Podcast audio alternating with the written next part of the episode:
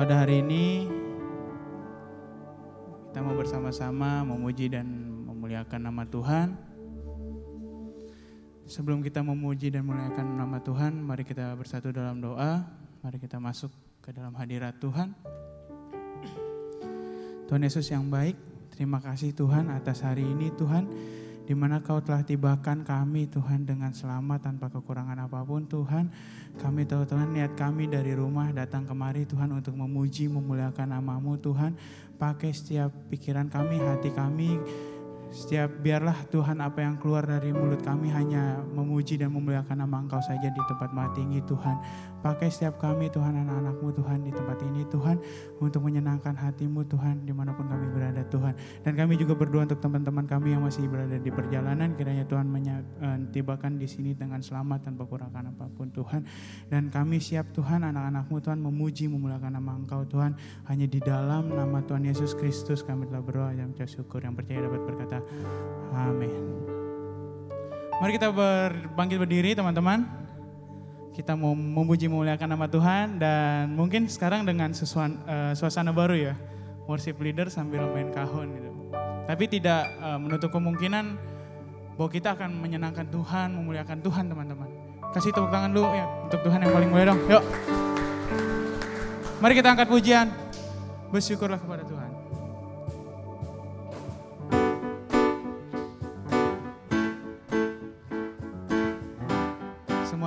Tangan untuk Tuhan.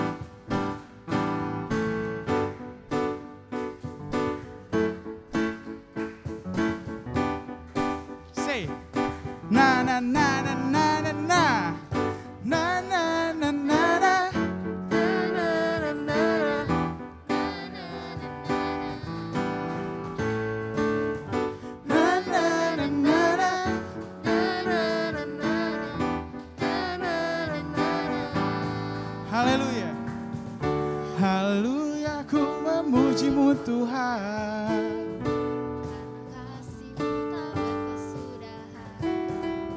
Biarlah bernapas memuji Sang Raja.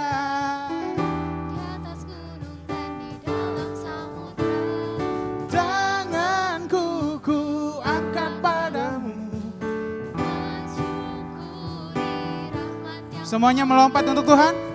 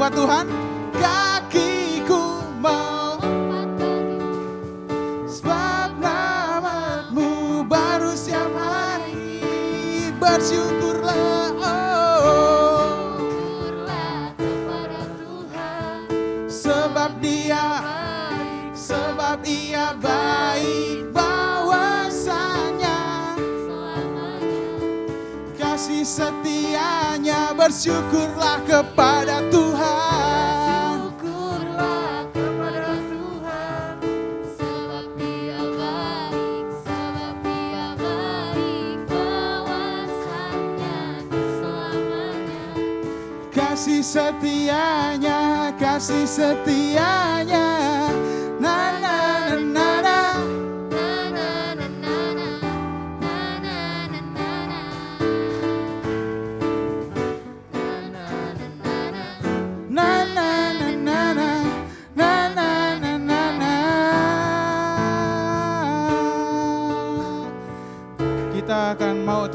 berjalan denganmu Tuhan. Gak ada keraguan di saat kita bersama Tuhan. Kita mau katakan,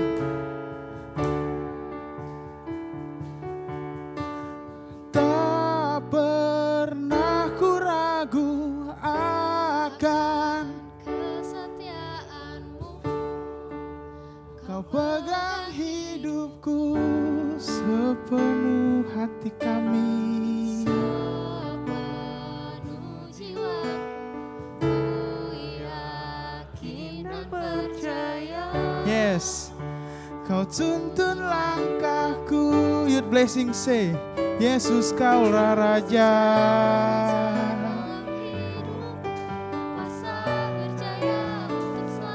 Yesuslah kau Raja. Hidupku berkasa berjaya untuk selamanya. Semuanya siap melompat untuk Tuhan?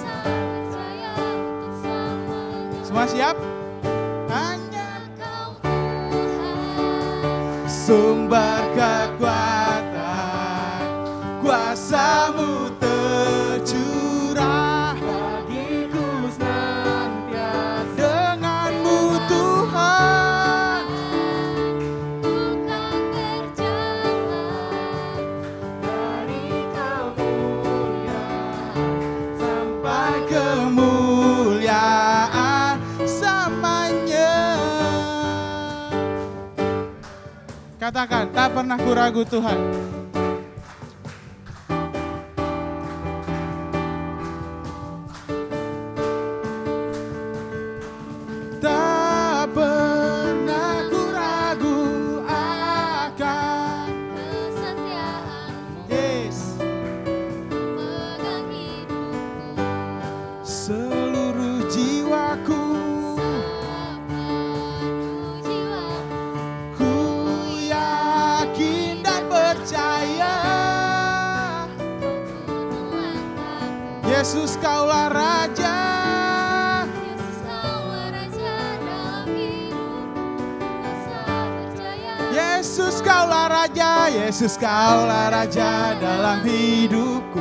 kuasa berjaya untuk selamanya. Siap melompat Tuhan.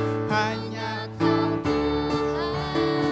Sumber kekuatan, kuasa untuk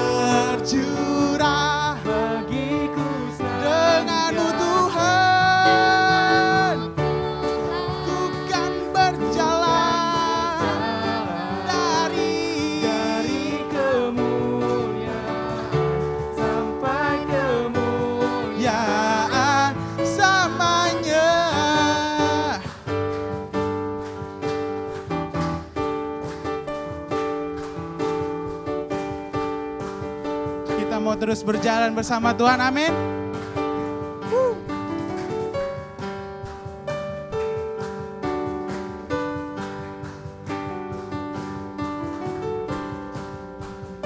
Katakan, Yesus kaulah Raja. Yesus kaulah Raja.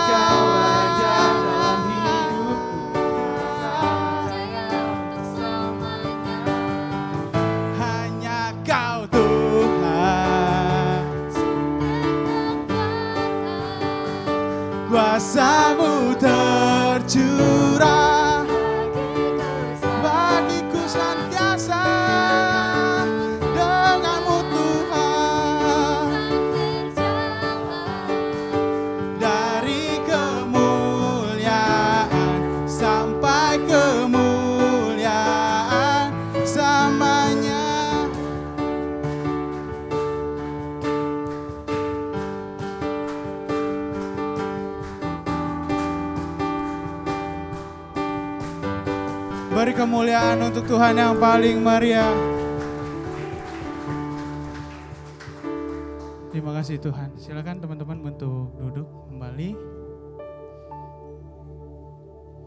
Kita mau terus bersyukur kepada Tuhan untuk hari-hari yang indah telah Tuhan berikan kepada kita, untuk nafas kehidupan, untuk setiap aktivitas yang Tuhan berikan kepada kita. Kita mau selalu mengucap syukur kepada Tuhan. Terima kasih Tuhan Yesus. Sekarang tiba saatnya kita untuk masuk lebih dalam lagi, menjembah, memuji, mengucap syukur kepada Tuhan. Untuk setiap seluruh kehidupan kita yang telah Tuhan berikan kepada kita. Mari kita mau angkat satu pujian.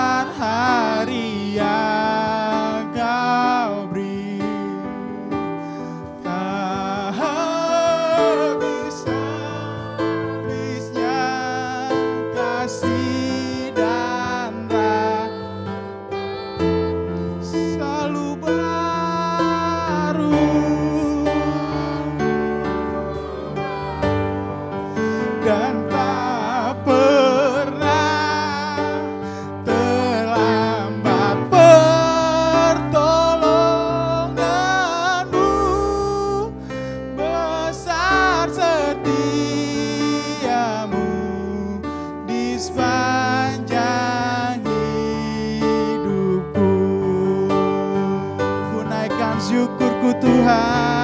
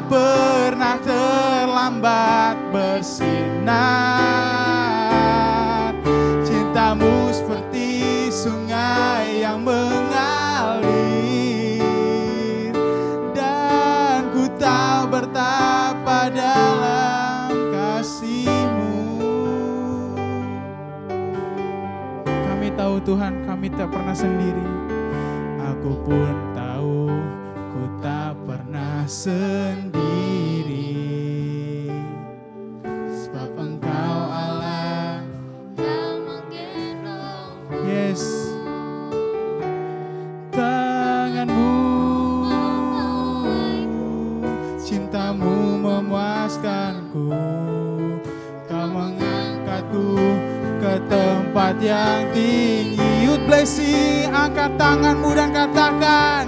Seperti fajar pagi hari. Dan tiada pernah terlambat bersinar. Cintamu seperti sungai yang mengalir. Dan ku tak bertapa dalam kasih. seperti fajar pagi hari. Dan tiada pernah terlambat bersinar. Cintamu seperti sungai yang mengalir. Dan ku tak bertapa dalam kasihmu. Mari sembah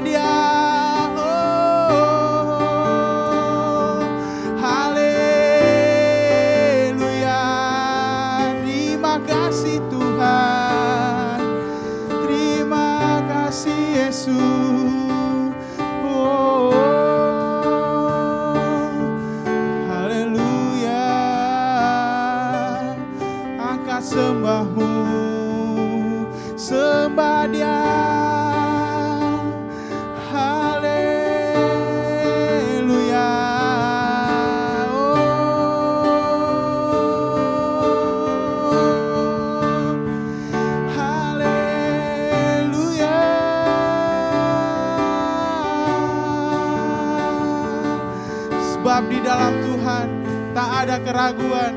Di dalam Tuhan semua ada pengharapan. Haleluya.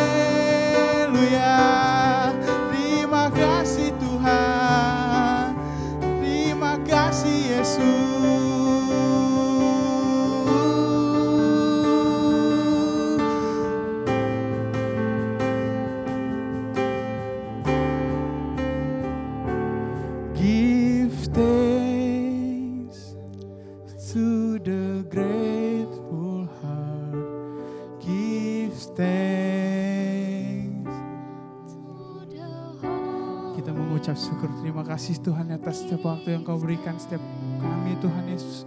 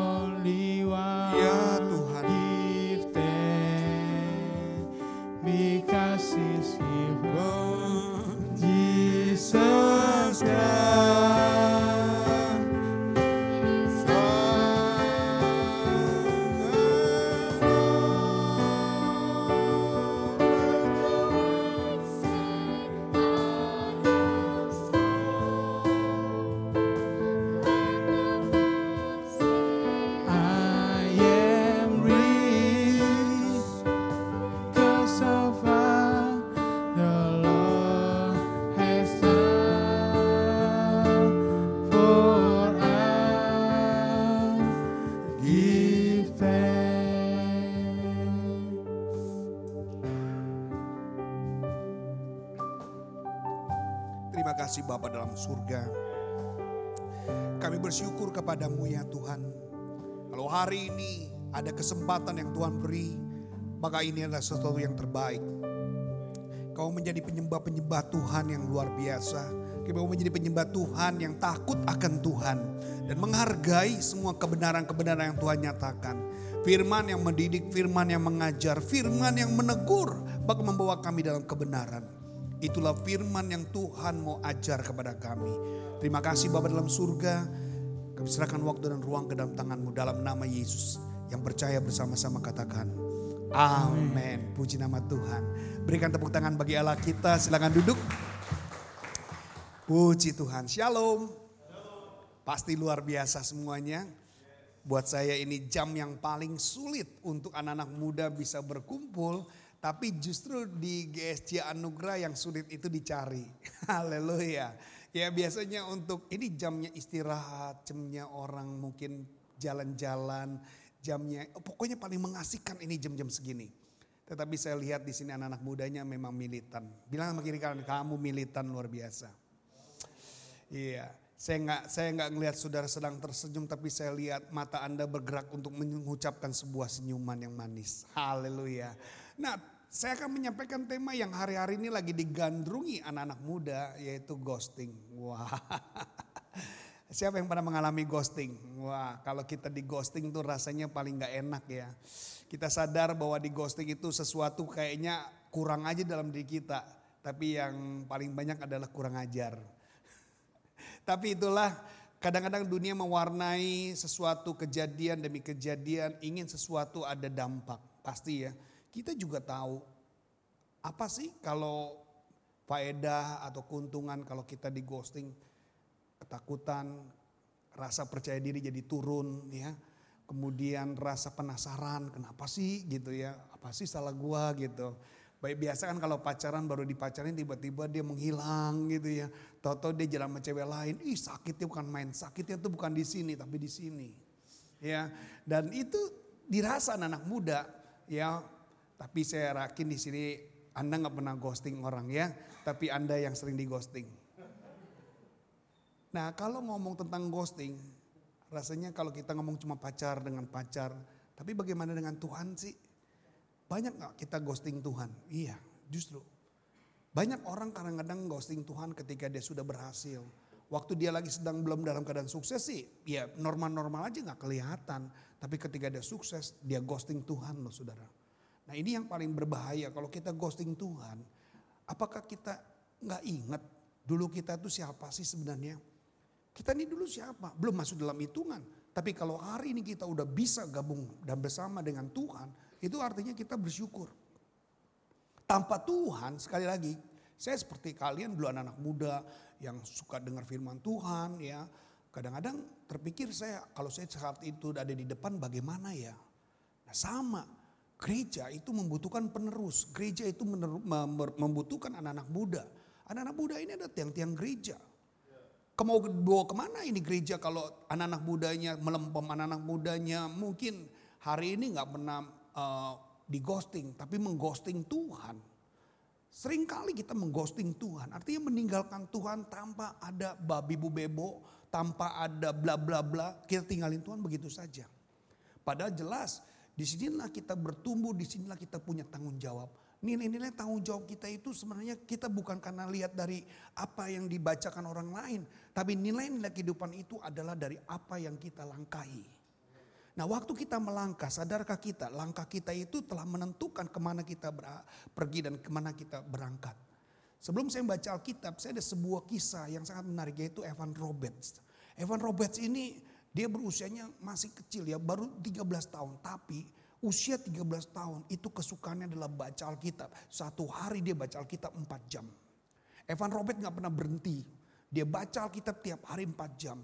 Keluarganya gak hebat-hebat banget. Ya gak sukses-sukses banget. Buktinya adalah dia gak kuliah. Evan Robert ini gak kuliah. Dia pengen kuliah. Tapi gak bisa karena orang tuanya gak punya uang. Papa mamanya Pak pendeta ya. Bapaknya pendeta. Tapi tidak membuat hidup dia baik saudara. Satu-satu ketika karena dia betul-betul serius sama Tuhan, dia betul-betul mengasihi Tuhan dan tiap hari nggak pernah lupa empat jam dia baca Alkitab. Apa yang terjadi? Wah luar biasa. Suatu ketika dia datang ke gereja dia, dia minta izin sama gembalanya, dia bilang gini, Om boleh nggak saya khotbah? Kaget ya, anak muda mau khotbah. Satu hal buat pendetanya nggak masalah karena dia juga jemaatnya.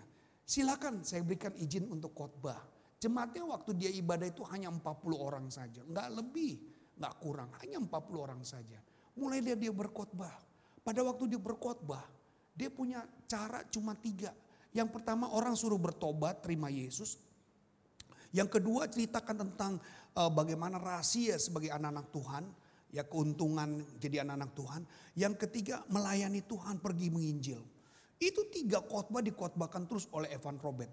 Ke mana pun dia berada, ke mana pun di kesempatan, dia berkhotbah, khotbahnya itu-itu aja. Anda tahu, pada saat dia berkhotbah, wah, itu jemaatnya bertambah, bertambah, bertambah. Akhirnya gerejanya harus sewa sebuah gedung karena hampir bukan lagi ribuan, tapi ratusan ribu, bahkan jutaan orang. Hasil dari apa? Karena baca Alkitab. Jadi jangan pernah meremehkan dalam hidup kita untuk tidak membaca Alkitab. Jangan meremehkan diri kita bahwa baca Alkitab tidak ber, uh, tidak berhasil. Baca Alkitab tidak ada faedahnya. Justru baca Alkitab itu banyak hal yang membukakan sampai Evan Robert pun berhasil. Saya percaya Evan Robert, Evan Robert muda ada di tempat ini. Yang amin cuma Kokoro, Koko, Koko Jeffrey doang. Yang lainnya enggak nih. Amin. Ya kita rasakan bahwa itu ada sesuatu yang luar biasa terjadi dalam diri kita. Dan itu berdampak. Mari kita lihat dalam 2 Timotius 4 ayat 10 sampai 18 ayatnya cukup panjang. Saudara baca, saya baca yang ganjil, kalian baca yang genap. Perubahan ayatnya itu yang warnanya merah. Oh di sini nggak kelihatan ya, tapi ada beda tuh ya. Nggak kelihatan sedikit ya, ya. Jadi itu ada B, ada K, ada H, ada T, ada J, ya. Itu kelihatan ya, oke? Ah iya, dah makin jelas deh ya. Saudara baca yang ganjil, saya, uh, saya baca yang ganjil, saudara baca yang genap, dan seterusnya sampai pulang. Oh, sampai pulang. Oke, kita baca. 2 Timotius 4 ayat 10 sampai 18. Berusahalah supaya segera datang kepadaku. Iya, silakan.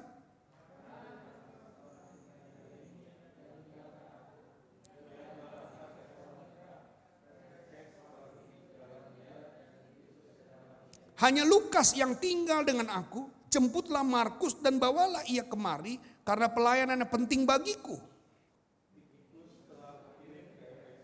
Jika engkau kemari, bawa juga jubah yang kutinggalkan di Troas di rumah Karpus dan juga kitab-kitabku terutama perkamen itu.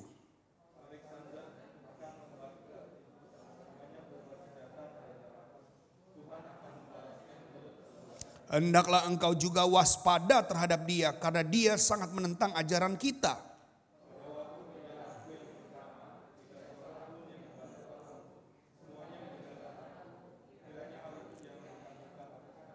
Tetapi Tuhan telah mendampingi aku dan menguatkan aku supaya dengan perantaraanku Injil diberitakan dengan sepenuhnya dan semua orang bukan Yahudi mendengarkannya. Dengan demikian aku lepas dari mulut singa.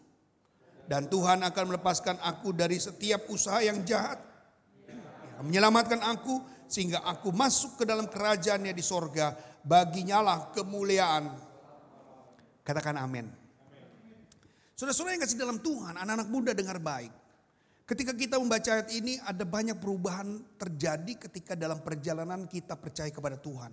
Saya nggak bilang kalau ikut Tuhan itu gampang, ikut Tuhan itu semulus kita memberikan telapak tangan. Justru ketika kita ikut Tuhan dan iring Tuhan, masalah akan terlihat.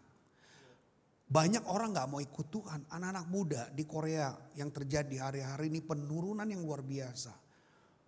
Awalnya Korea punya gebrakan luar biasa tentang anak muda yang nyanyinya sampai bersorak-sorai. Tapi tiba-tiba berjalannya waktu itu mereka luntur. Jadi jangan heran kalau kita ini akan menjadi anak-anak yang mundur. Dan itu akan terjadi. Kamu pasti suka media sosial ya. Bagaimana media sosial menyampaikan orang-orang yang pindah agama. Yang awalnya Kristen tapi mereka pindah ke agama lain. Itu sangat disorot, sangat dibanggakan di media sosial. Berarti apakah itu mudah? Enggak. Jadi pengikut Tuhan tidak mudah. Oleh karena itu kenapa saya ambil tema tentang ghosting. Supaya kita tidak melakukan itu kepada Tuhan. Anda boleh, mungkin Anda boleh kecewa dengan manusia. Tapi bukan mengghosting Tuhan. Anda boleh tidak mau berbuat begini dan begitu untuk gereja Anda. Tapi Anda tidak boleh mengghosting Tuhan. Orang-orang yang ghosting Tuhan, barang siapa yang meninggalkan aku, dia tidak ada dalam jaminan Tuhan. Kita harus sadar, bagaimana tokoh-tokoh ini sudah terjadi. Kecintaan manusia adalah dunia, klik. Saudara lihat, kecintaan manusia adalah dunia. Isi dunia ini tidak bisa menyelamatkan kita. Hanya Yesuslah yang membawa kita selamat masuk dalam kerajaan surga. Kalau kita tidak dikuatkan pondasinya dari sekarang, kita mudah jatuh.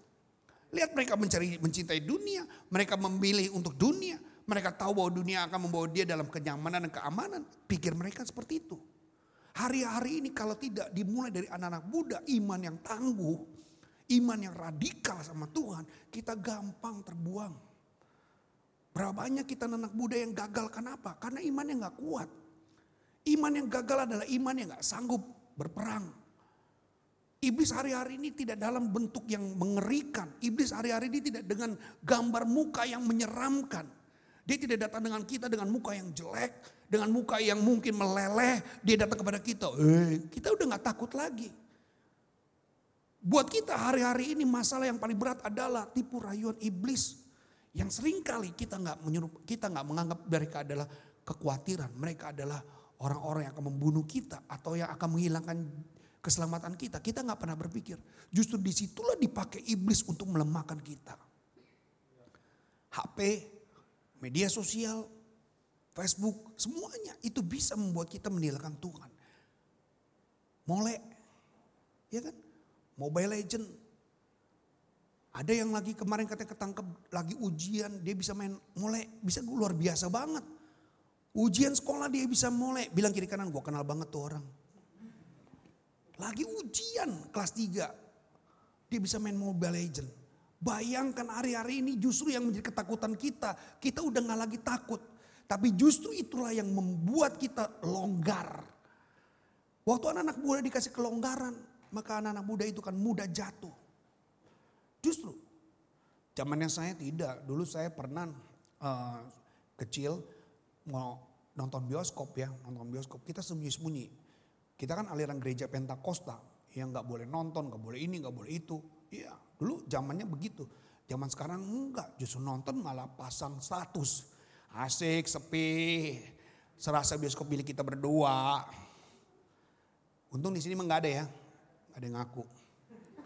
Jadi pada waktu saya nonton bioskop, pulang, saya langsung disiram pakai itu asinan. Kita kan suka pada bikin asinan tuh bangkuang, kedongdong tuh ya. Itu airnya kan lumayan kan, pedes kan. Itu disiram ke muka saya. Waduh, rasanya pedes. Apa sih yang saya tonton? Saya kayak kita nih pulang ibadah nih jam 12 nih. Jam 2 ada bioskop. Kita nonton. Dulu kan zamannya nontonnya masih bangku kayu yang namanya bioskop lama ya. Kita berdua, eh, kita bukan berdua, kita rame-rame tuh anak muda nonton tuh. Kayaknya ada yang ngaduin gitu, saya nonton, akhirnya saya disiram. Kamu tahu yang saya tonton film apa? Kamu tahu kan Dono Kasino Indro?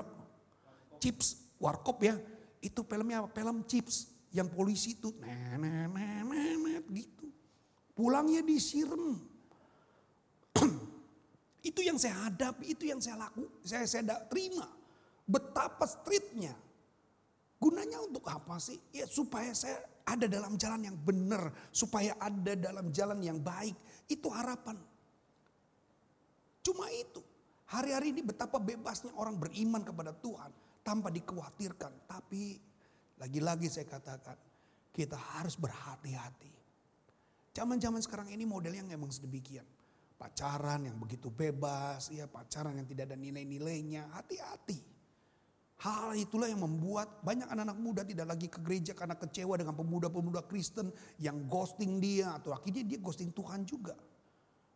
Dulu dia percaya sama Tuhan karena pacarnya ketika pacarnya ganti casing, ya pacarnya ganti casing, dia tinggalkan Tuhan juga. Kenapa? Karena dia udah nggak sama dia dan dia nggak sama kita lagi ya sudah akhirnya bubaran. Dan inilah yang harus kita perhatikan sebagai anak muda. Menangkan jiwa tidak semudah kita memberikan telapak tangan. Klik kita berjalan bersama Allah, bau harum yang kita pancarkan bisa menarik orang lain untuk kita, untuk orang lain ikut percaya. Kita ini sebenarnya membawa membawa bau harum. Orang itu mau lihat kita selalu senyum dalam masalah, kita selalu happy dalam masalah. Dan hal itu ditunggu orang untuk orang tertarik. Konon kabarnya 70% orang-orang Kristen baru karena melihat orang Kristen lama. 70% orang Kristen baru itu karena orang Kristen lama. Jadi kalau kita hari ini punya penampilan kerohanian yang baik, maka itu akan mengundang orang lain percaya. Tapi kalau kehidupan kita nggak ada bedanya dengan orang yang nggak ke gereja, mirip-mirip, bahkan nggak ada bedanya, bahkan lebih parah, siapa yang mau ikut? Siapa yang mau ikut kita? Waktu kita menginjil dia bilang apa? Ah lu ngomong aja lu ngemeng doang lo. Kelakuan lu juga sama. Dan lalu jangan ngomong tentang Yesus deh. Lu jadi juga gak kayak Yesus. Nah inilah yang bahaya kita. Mentoknya orang Kristen adalah karena sikap kita sendiri yang tidak mendukung. Betul gak? Mentoknya orang percaya kepada Tuhan karena kita sendiri gak pernah mau menjadi teladan. Bagaimana kita mau belajar dengan orang buta? Gak mungkin dong. Apakah Anda mau dituntut dengan orang yang buta? Nggak mungkin, nggak ada yang mau. Orang buta nggak bisa nuntut orang yang melihat. Justru orang yang melihat menuntut orang yang buta. Tugas kita kan eklesia, dipanggil keluar dari kegelapan masuk kepada terang yang ajaib. Eklesia itu artinya punya dua tugas ganda. Waktu kita memanggil, waktu kita dipanggil dari kegelapan masuk pada terang yang ajaib, pada waktu kita sudah terima terang yang ajaib, kita harus balik lagi itu kepada mereka, bukan menyatu, bukan bergabung lagi, tetapi memanggil mereka untuk bertobat. Ini dilakukan enggak? Kalau enggak dilakukan, ini yang terjadi. Banyak orang-orang yang akhirnya muncul, tenggelam, muncul, tenggelam. Hari-hari ini orang memilih apa? Yang tadi saya katakan, di Korea orang memilih menjadi ateis. Mereka mau percaya sama Tuhan. Percaya sama Tuhan banyak larangan. Ya, agama itu kan banyak larangan. Ini nggak boleh, itu nggak boleh, ini nggak boleh, itu nggak boleh. Akhirnya mereka memilih apa? Tidak beragama. Tapi saya saya bangga dengan Indonesia ya masih masih bangga gini. Ketika kita beragama yang berbeda untuk menikah nggak diizinkan. Kita hanya boleh menikah dengan agama yang sama. Kalau kamu dulu kan bisa bebas, kalau di luar negeri nggak nggak nggak ada masalah. Mau agama nggak ada atau agama ada nggak nggak ada masalah. Orang cowok cowok aja kawin, betul kan? Iya kan? Belum lama ini kan di Thailand itu di media sosial, iya kan? Mereka dihujat netizen makin bangganya. Lihat dulu orang bikin dosa ngumpet-ngumpet, hari ini bikin dosa vulgar. Iya kan? Orang dulu bikin dosa ngumpet-ngumpet, hari ini bikin dosa dipamerkan. LGBT pasangan mereka bisa cipok-cipokan itu cowok sama cowok, jeruk sama jeruk, bayangin. Kayaknya udah nggak ada udah nggak ada urat malunya lagi, urat malunya udah pada putus. Kelakuannya ya kalian lihat sendiri itu yang terjadi. Jadi kalau kita hari ini tugas kita berat gak? Berat. Anak-anak muda tugasnya apa? Berat. Tapi kalau kita nggak menyikapi, habis dunia ini loh. Habis. Orang akan bilang apa?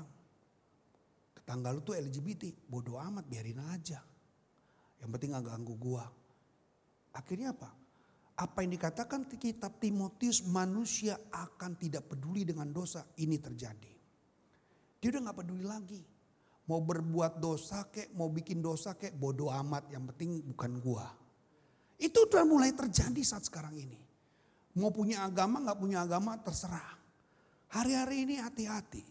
Kita punya sahabat, kita punya teman. Jangan pernah kasih kesempatan mereka gak punya agama, gak punya pegangan. Ajaklah mereka ke gereja. Minimal mereka punya pegangan. Amin. Minimal mereka punya satu arah tujuan hidup. Kalau mereka tidak punya arah tujuan hidup, selesai hidupnya. Nah, Roma 12 ayat 2 kita lihat di sini. Janganlah kamu menjadi serupa dengan dunia ini, klik ya. Tetapi berubahlah oleh pembaruan budimu sehingga kamu dapat membedakan mana kehendak Allah.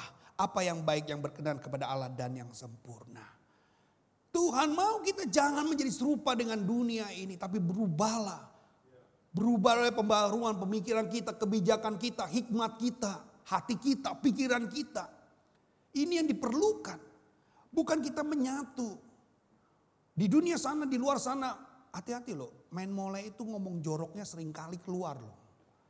Saya kan juga ada ya, sama-sama dengan anak muda saya lihat. Kalau gagal dikit ketembak aja, wih umpatannya itu sadisnya bukan main. Untung di sini nggak ada ya, nggak ada satu. Itu kalau kalah ketembak, wih omongan kasarnya tuh mulai keluar. Tapi untung di sini udah nggak ada ya.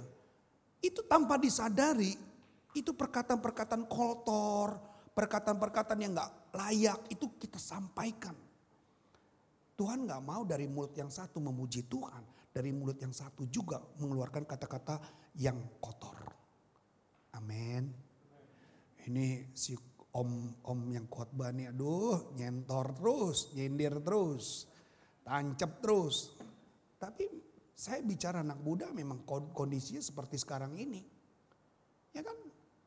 Kita untuk menjadi anak-anak muda yang baik itu susahnya bukan main. Tadi kan saya katakan, jadi anak muda yang baik, yang yang benar itu sulit seperti kita mencari jarum dalam jerami yang begitu banyak.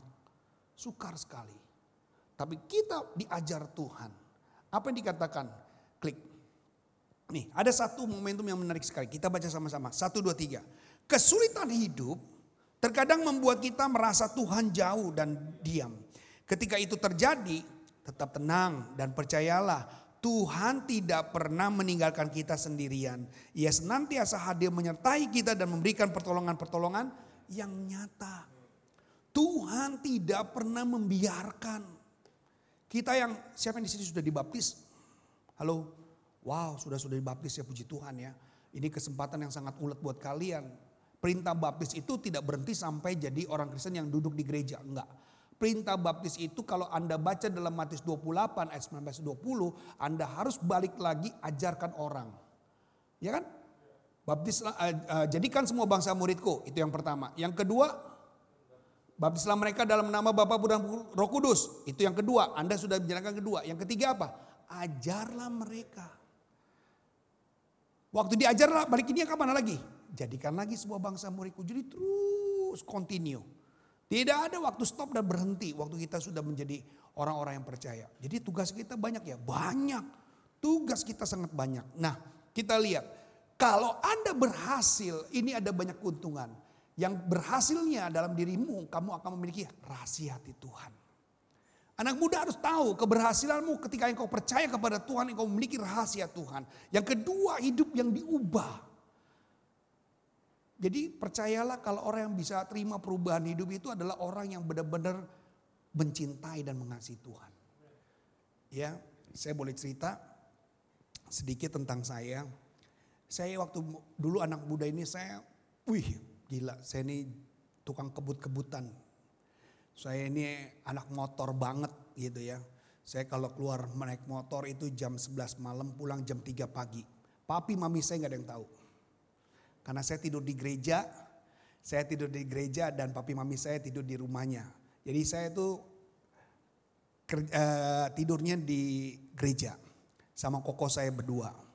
Ya, jadi kita punya motor dan kita setiap jam 11 malam kita kebaktian jam setengah tujuh malam, selesai jam 9, ya udah biasa makan-makan, balik lagi ke gereja, kemudian kita keluar kebut-kebutan. Itu anak pendeta loh. Gimana anak pendekar.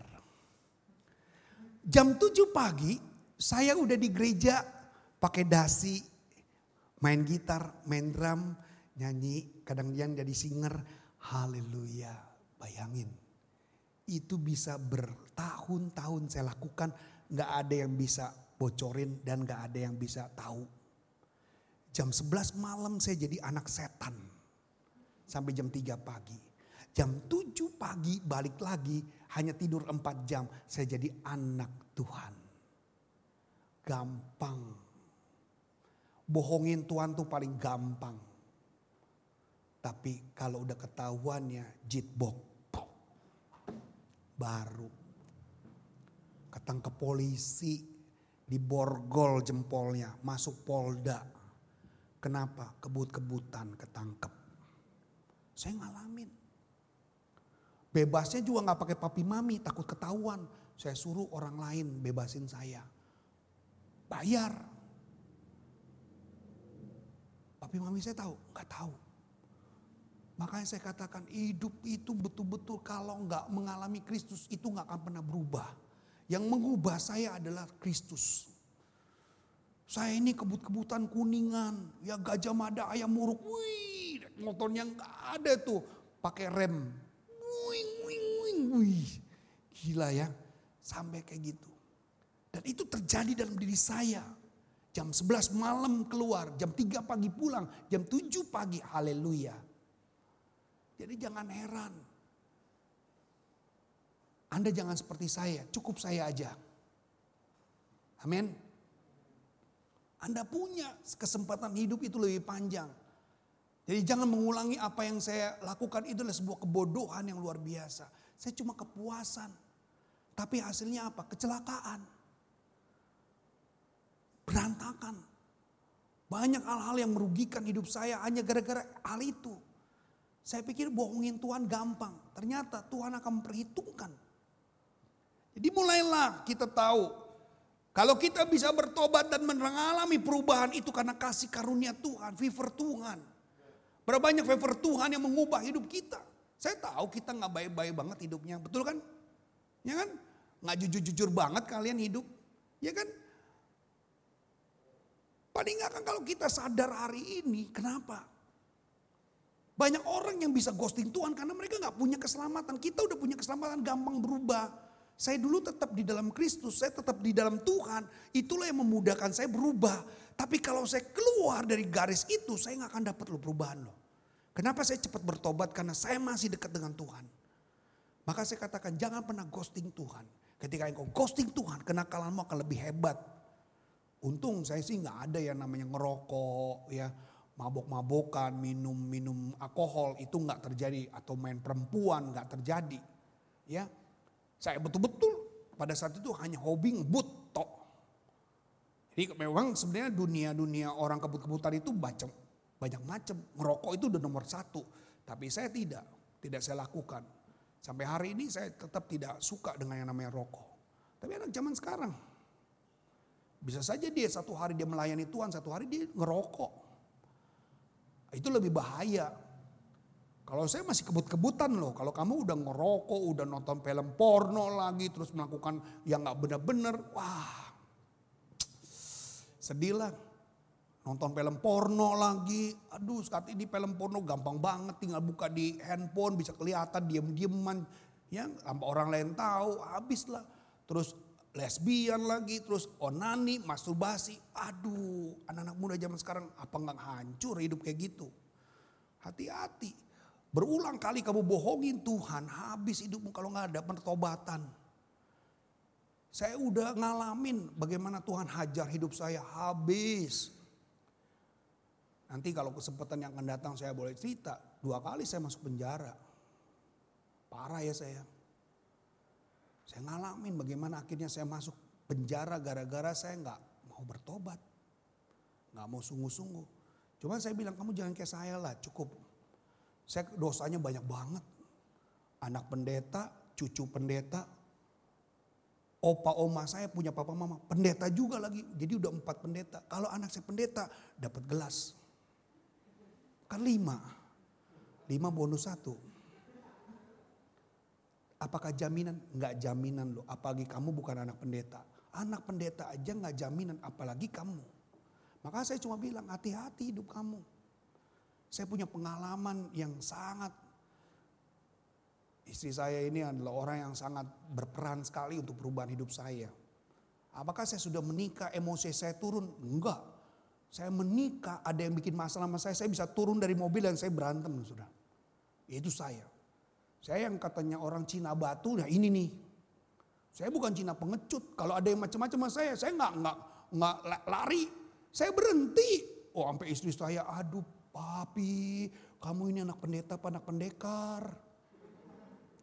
Dia ini orangnya ada, saya nggak bohong tanya. Pilihan dia dulu menikah dengan anak pendeta, baik-baik nggak taunya salah, anak pendekar yang dikawinin. Saya berubahan bagaimana istri saya menangis berdoa buat saya itu yang terbaik. Dan akhirnya jadi kayak gini. Susah loh cari model kayak gini loh.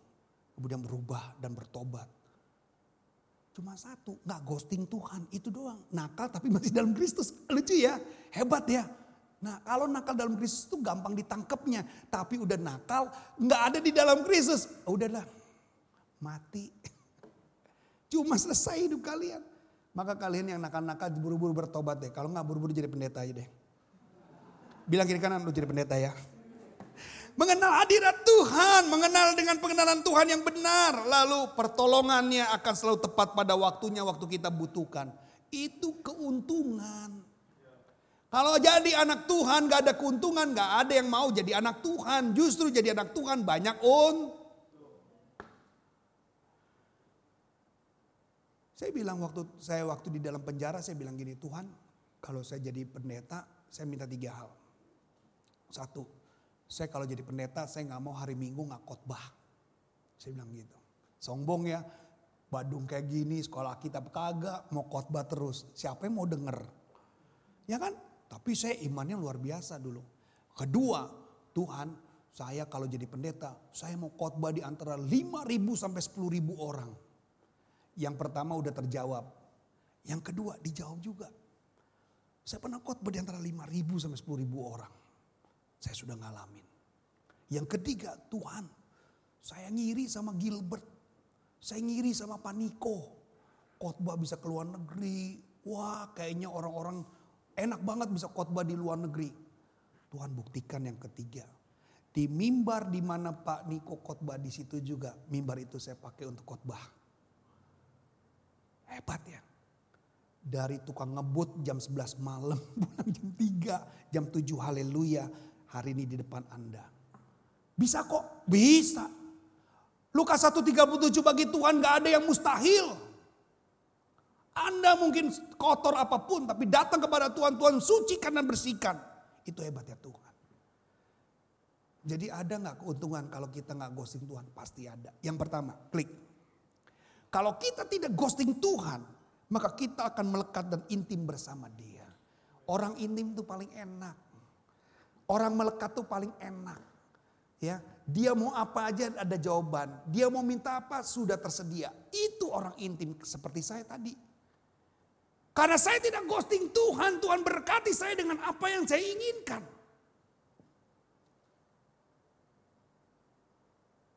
Sembilan kali ke Australia, beberapa kali saya ke Amerika khotbah, saya ke Korea, saya bisa pelayanan, mengabarkan Injil, pernah juga khotbah di Jepang, pernah khotbah di Singapura, saya udah ngalamin loh, enak ya. Sudah bisa khotbah juga di Israel, loh itu kan kalau bukan karya Tuhan, saya rasakan itu loh. Dan waktunya Tuhan itu terjadi ketika kita melekat. Jadi saya, saya katakan bilang sama teman kamu yang hari ini meninggalkan Tuhan. Jangan tinggalkan Tuhan. Engkau akan mendapatkan hadiah yang terbaik ketika engkau melekat dan intim. Apa yang dikatakan Hosea 6 ayat 3. 1, 2, 3. Marilah kita mengenal dan berusaha sungguh-sungguh mengenal. Ia pasti muncul.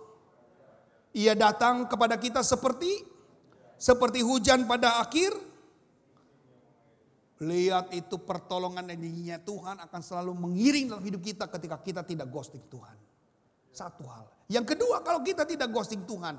Nah ini item-item yang Anda perhatikan. Kalau kita tidak ghosting Tuhan kita ada keterbukaan. Ya ada pengampunan, ada kasih, ada tekun dalam doa dan percaya dengan iman. Ini empat hal membuat kita semakin yakin bahwa kita adalah orang pilihan Tuhan. Ya kan kalau orang benar-benar intim sama Tuhan itu melekat sama Tuhan betul-betul nggak akan pernah punya kepahitan. Dia selalu setia kepada Tuhan, dia selalu sadar dengan kehidupannya bersama dengan Tuhan seperti apa itu dia miliki. Itu hebatnya Tuhan. Yang kedua, kalau kita tidak gosing Tuhan, hidup ada dalam kebenaran. Arahannya gampang, mengarahkannya juga mudah. Kenapa? Karena suka dengan kebenaran. Maka kalau kita hari-hari ini suka dengan ketidakkebenaran, maka kita sudah ada ciri-ciri untuk ghosting Tuhan. Artinya apa? Tidak peduli lagi dengan Tuhan. Orang kalau udah gak cinta gimana sih? Betul ya? Kenangan yang udah lima tahun aja bisa dilupakan begitu saja. Siapa dia? Ya kan? Udah lima tahun pacaran aja bisa lupa tuh. Padahal saya tahu lima tahun itu bukan waktu yang sebentar. Kecuali baru lima hari pacaran ya.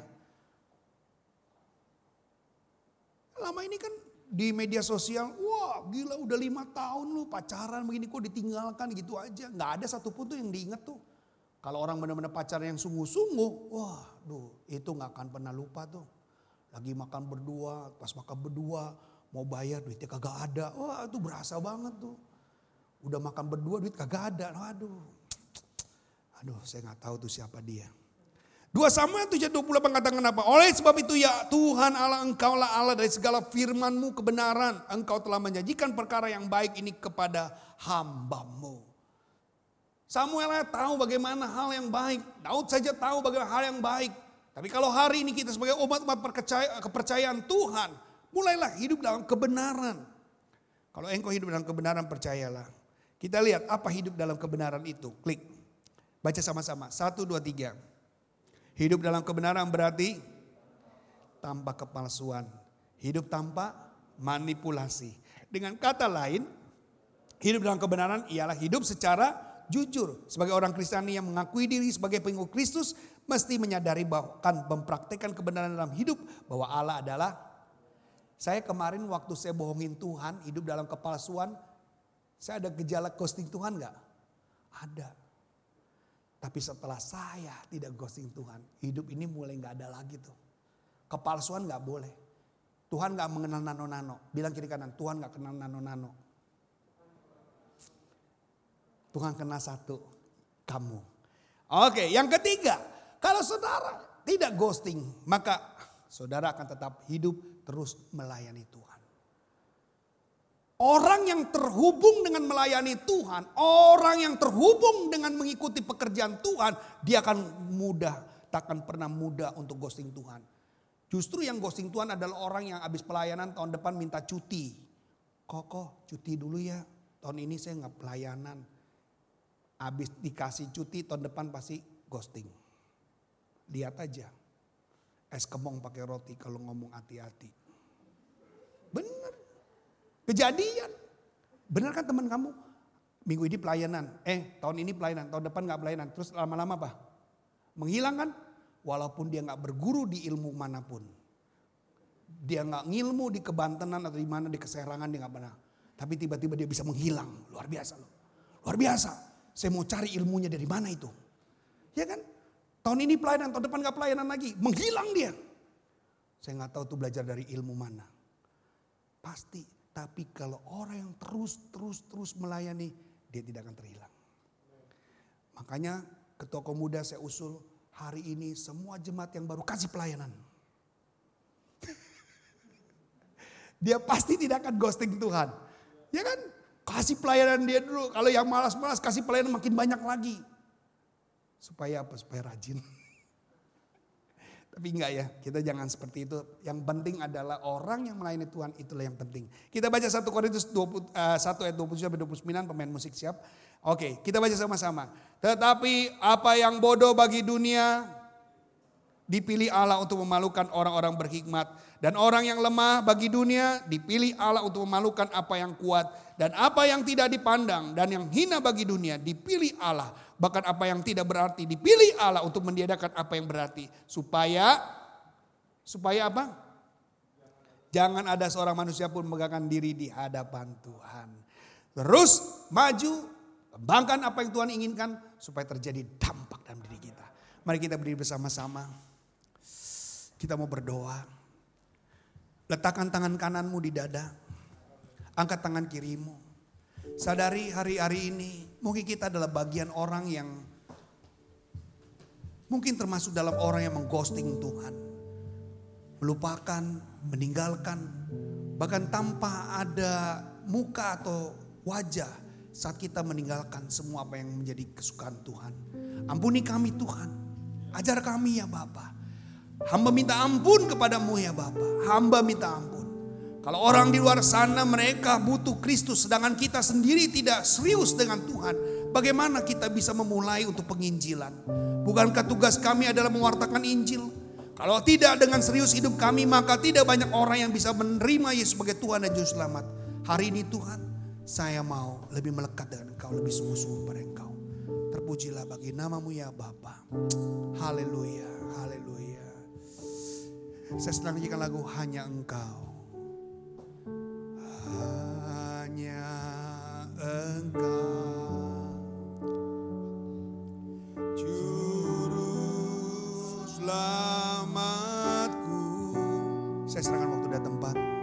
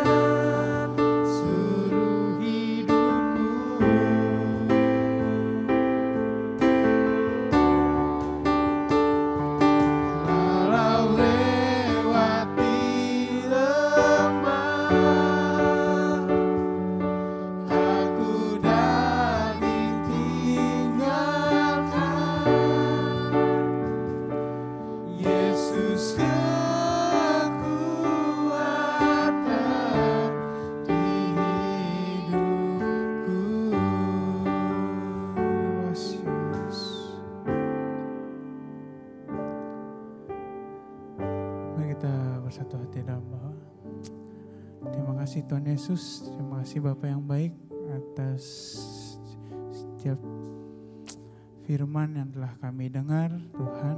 Kami sangat mengucap syukur Tuhan dan biarlah Tuhan firman itu dapat kami tanam di dalam hati kami Tuhan dan dapat berbuah Tuhan dan kiranya Tuhan kami boleh mempraktekannya dengan baik Tuhan. Kiranya pakai selalu Tuhan hambamu Tuhan yang telah membawakan firman-Mu. Kiranya kau pakai dalam kesehariannya Tuhan. Kami sangat mengucap syukur Tuhan atas apa yang telah engkau berikan Tuhan kepada beliau. Dan kiranya Tuhan kami Tuhan anak-anakmu Tuhan akan terus turut dengan firman-Mu Bapa Dan ini setiap doa kami Tuhan kami serahkan semuanya di dalam nama Tuhan Yesus Kristus. Kami berdoa dan syukur. Haleluya. Amin. Silakan duduk teman-teman.